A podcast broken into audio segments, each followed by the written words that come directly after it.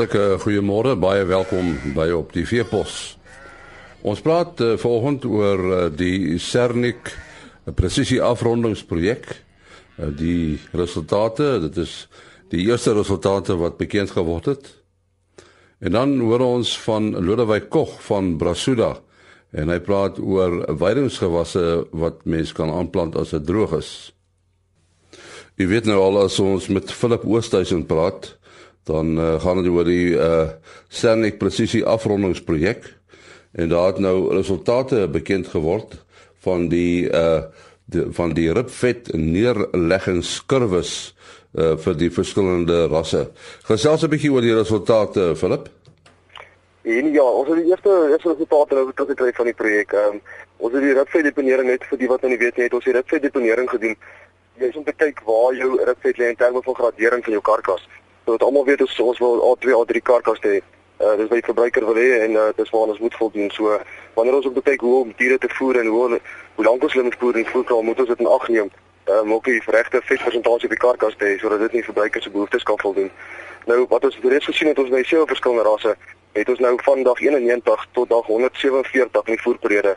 Elke 2 weke het ons die ehm um, die um, ribscan ehm um, gedoen. Uh, die landbounavorsingsraad vir Suid-Afrika gedoen in die regering Hendriks en ons het baie interessante inligting gesien. Ehm um, as ons 'n bietjie agtergrond gee oor oor oor hoe die effekdeponeringskurwes werk. Ehm um, hoe kyk ons daar wanneer diere ehm um, geslagsryp is? So mens kry uh, diere wat vroeg geslagsryp is, wat verskillende rasse is en diere wat later geslagsryp is. So meestal diere wat later geslagsryp is, is geneig om later vet aan te sit en waar jy nou weer vroeg geslagsryp is wat jou unieke rasse is, dan sit jy weer op 'n vroeër op 'n vroeër uh, ouderdom ehm um, uh, vetdeponering aan. Nou as ek kyk na die resultate kyk, um, kan ons omtrent goed om min of meer in twee groepe deel. Waar ons nou gekyk het waar die Brahman, waar die Indiese ras verteenwoordig, die Afrikaner, waar die Sangha ras is, uh dan ons die Bosmara daarso en sowel as die Angus. Het ons gesien dat hulle 'n redelike vinnige vedeponerings uh, tempo het in vergelyking met die met die klomp sewe rasse wat ons nou gehad het. So wat dit nou eintlik beteken, hulle is redelik vinnig vet aan um, vanaf jy hier vandag 84 af na dag dag 89 toe. Sit hulle redelik vinnig vet aan en die vetbeperking moet jy nou ook gaan instel om nie om nie, nie risiko te loop om A4 karkas moontlik te kry of dalk A5 um, ehm, wat die waarde van die karkas dan gaan verminder nie.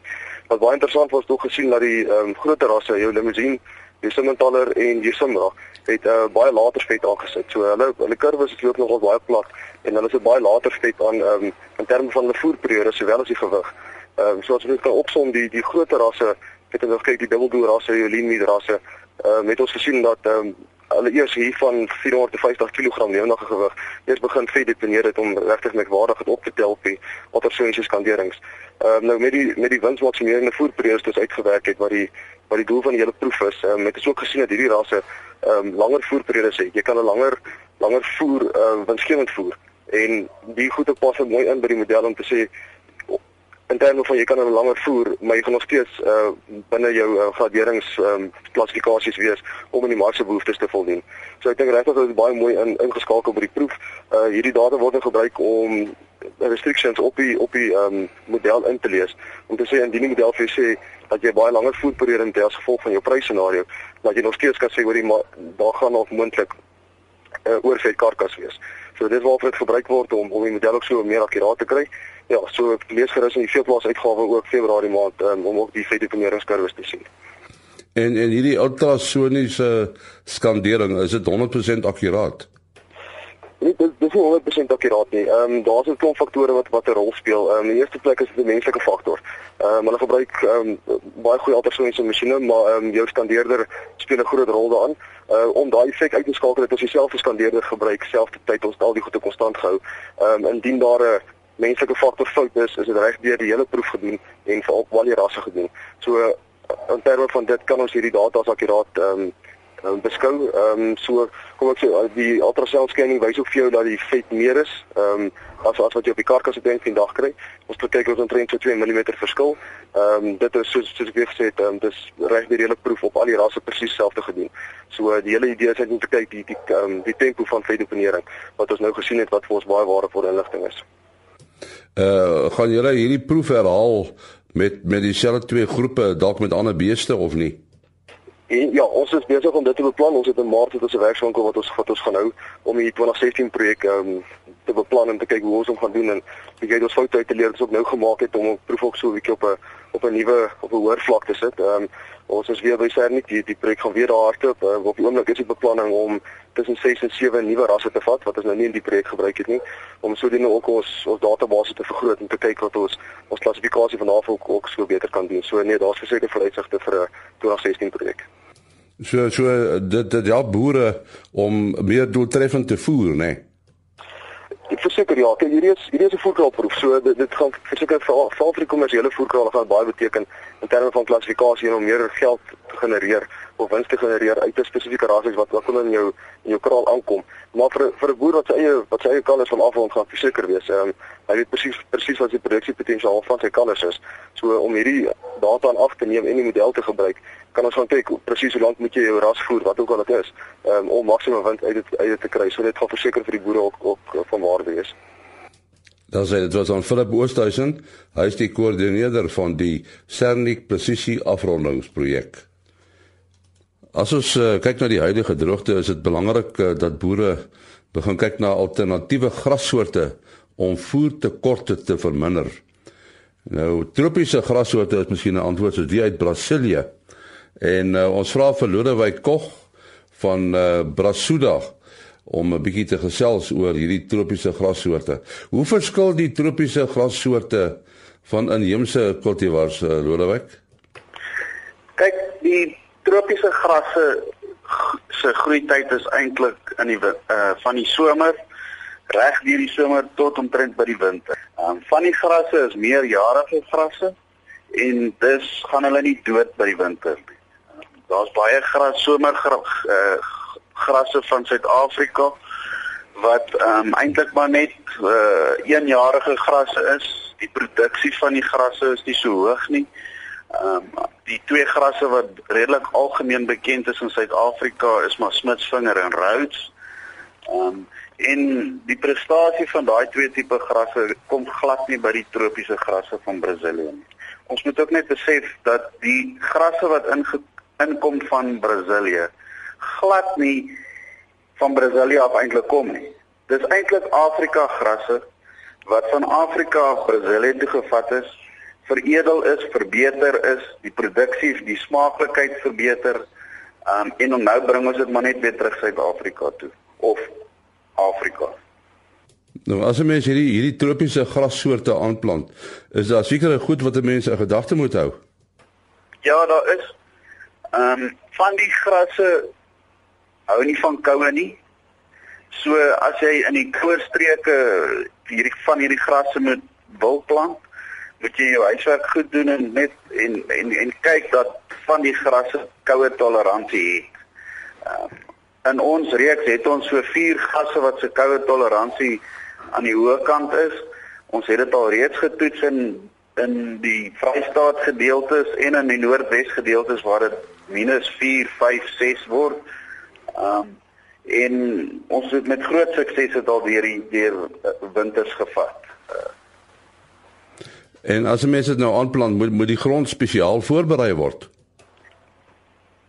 Jy hoef nie die grond voor te berei nie.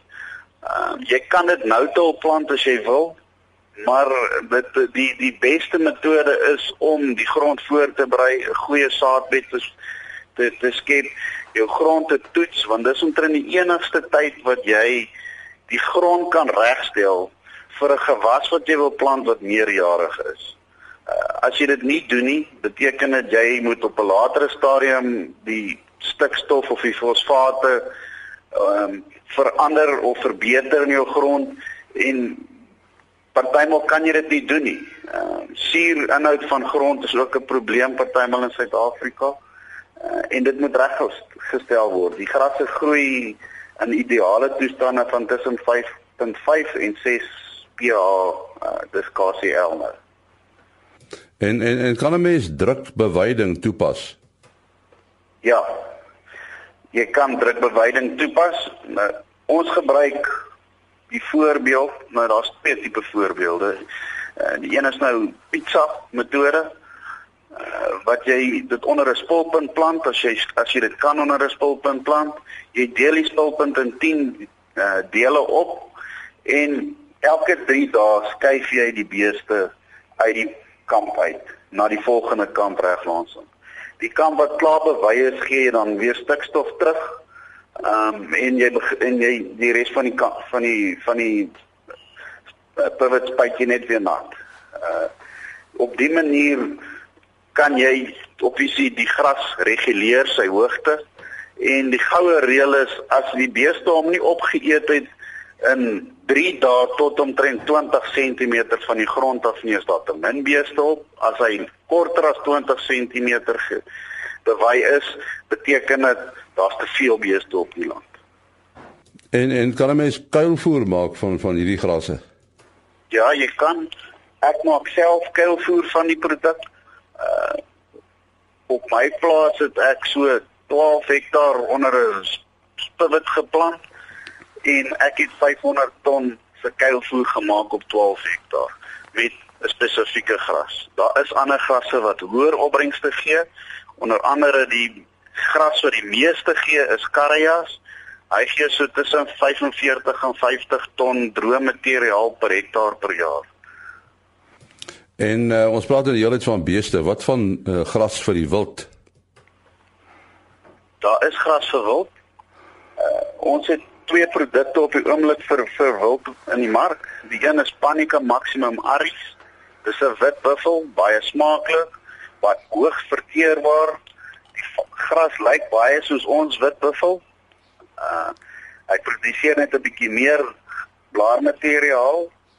Die ander gras wat ons ingebring het, ons het 'n grasmengsel gemaak wat nou vier grasspesies is. Ons het twee Suid-Afrikaanse grasspesies gevat en ons het twee Brasiliaanse grasspesies gevat en ons het dit gemeng.